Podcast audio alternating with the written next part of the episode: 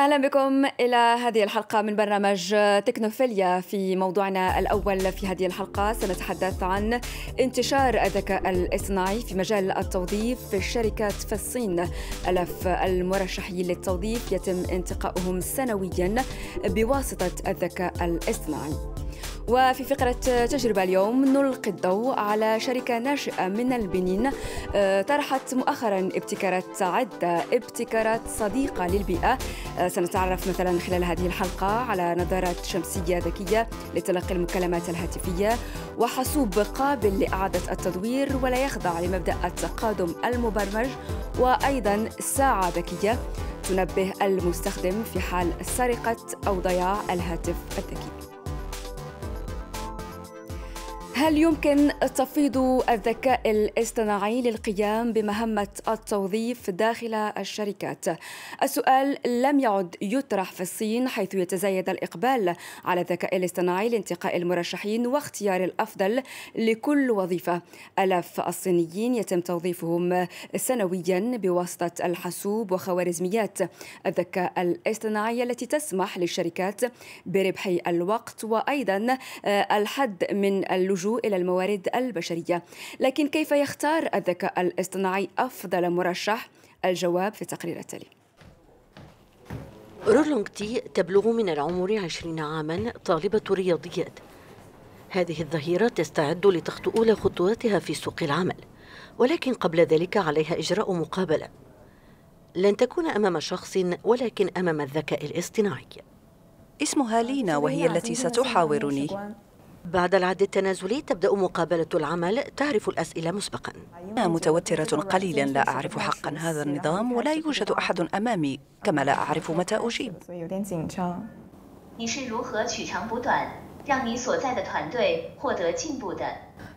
خلال شهرين عملت مع ستة أشخاص قدموا من ثلاث كليات مختلفة. ثلاثون دقيقة من الأسئلة والأجوبة. إجراء مقابلة عمل أمام برنامج ذكاء اصطناعي بدلا من إنسان يسمح لي بأن أكون أكثر استرخاء وأدائي أفضل بلا شك. اليوم آلاف الصينيين يتم توظيفهم من قبل الذكاء الاصطناعي. كيف يتم ذلك؟ الجواب لدى هذه الشركة. هنا يتم تطوير برمجيات للموارد البشرية. تقييم بيانات المقابلة على النموذج وليس على الجوهر. كل المجموعات الكبيرة في الصين حتى الفرنسية استخدمت هذا النظام في مراحل التوظيف يمكن تحليل بيانات المقابلة في الوقت الفعلي. يحلل النظام نبرة الصوت وشدة التعبير الشفهي وتولد الإجابات على كل هذه البيانات درجة محددة للمرشح. عندما نجيب عن سؤال محدد تتحرك نقاط الوجه uh, uh, والحاسوب. يقيم تعابير هذا الوجه.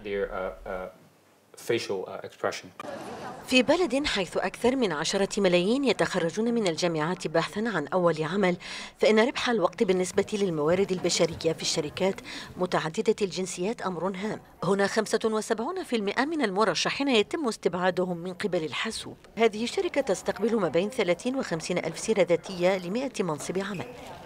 من دون الذكاء الاصطناعي كان علينا حشد المئات من الزملاء لأكثر من شهر. أما الآن فالتوظيف لا يستغرق إلا أسبوعين. اليوم أكثر من 40% من الشركات الصينية تستخدم الذكاء الاصطناعي لمرحلة توظيف واحدة على الأقل. نواصل الآن مع فقرة تجربة.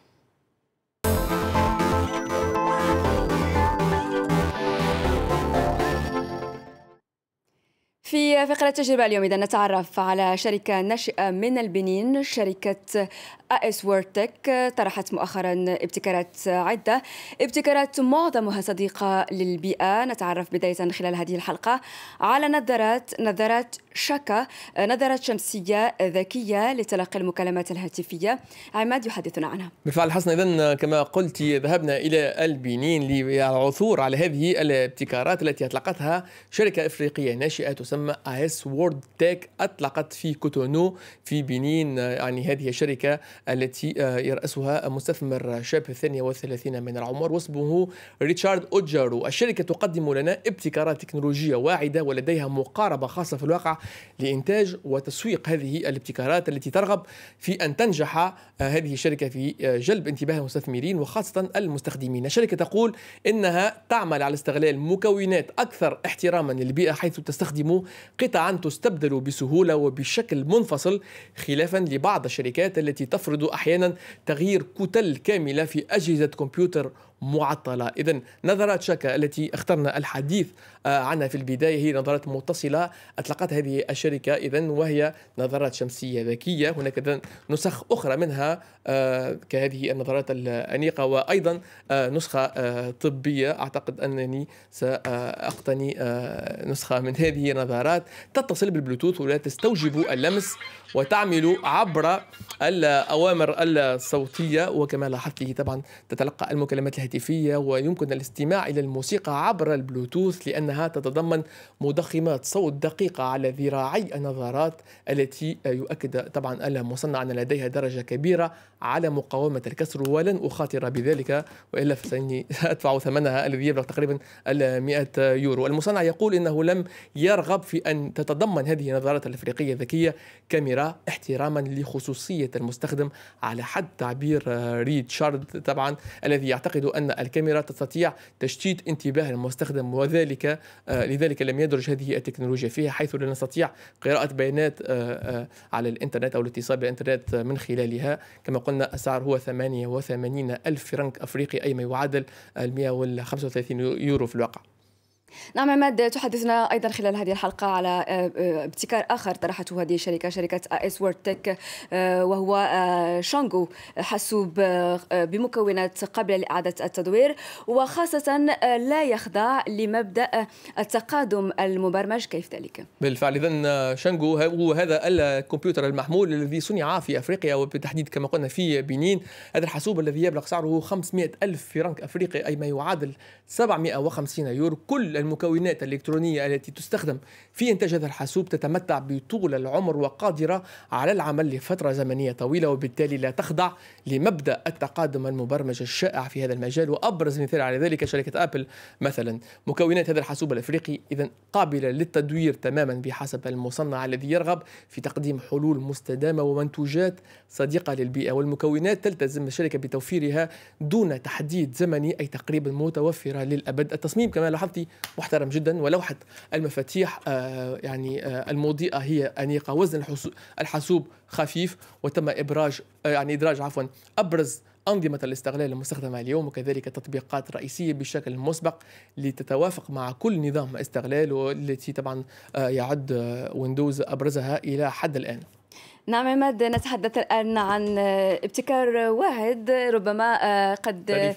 آه، نعم طريف وطريف طريف جدا نعم ساعة ذكية تنبه المستخدم في حال سرقة أو ضياع الهاتف الذكي كيف؟ هذه هي ساعة ساعة ذكية مقاومة للسرقة الشركة طرحت هذه الساعة التي أسمتها S Watch V7 ومن بين وظائف هذه الساعة فضلا عن وظيفتها الرئيسية وهي طبعا تقديم الوقت رغم أننا ننسى تقريبا ذلك اليوم إلا أنها تقدم وظيفة طريفة كما قلنا وجديدة وهي التنبيه في حال سرقة أو ضياع الهاتف الذكي. المصنع وضع برمجية خاصة في هذه الساعة التي لديها أيضا جهاز لقيس الحرارة ترتبط بالهاتف الذكي عبر البلوتوث. وفي حال ابتعد هاتف المستخدم أكثر من ثلاثة أمتار عن صاحب الساعة فإن هذه الساعة تقوم بالاهتزاز للتنبيه. إلى ذلك الساعة تعمل مع نظامي الأندرويد والآي أو إس وهي سهلة الاستخدام إجمالا وذات يعني استخدامات مختلفة في الواقع يمكن ارتدائها خلال القيام بالرياضة. مثلا وهي مقاومة للمياه ويبلغ سعرها 65 ألف فرنك أفريقي أي ما يعادل المئة يورو حسنا. نعم شكرا لك عماد ونصل معك إلى نهاية هذه الحلقة من برنامج تكنوفيليا. شكرا لكم على المتابعة. نترككم الآن مع صور طرحها المصمم الهندي في مجال الواقع المعزز كيفن كومر. صور طرحها على تويتر.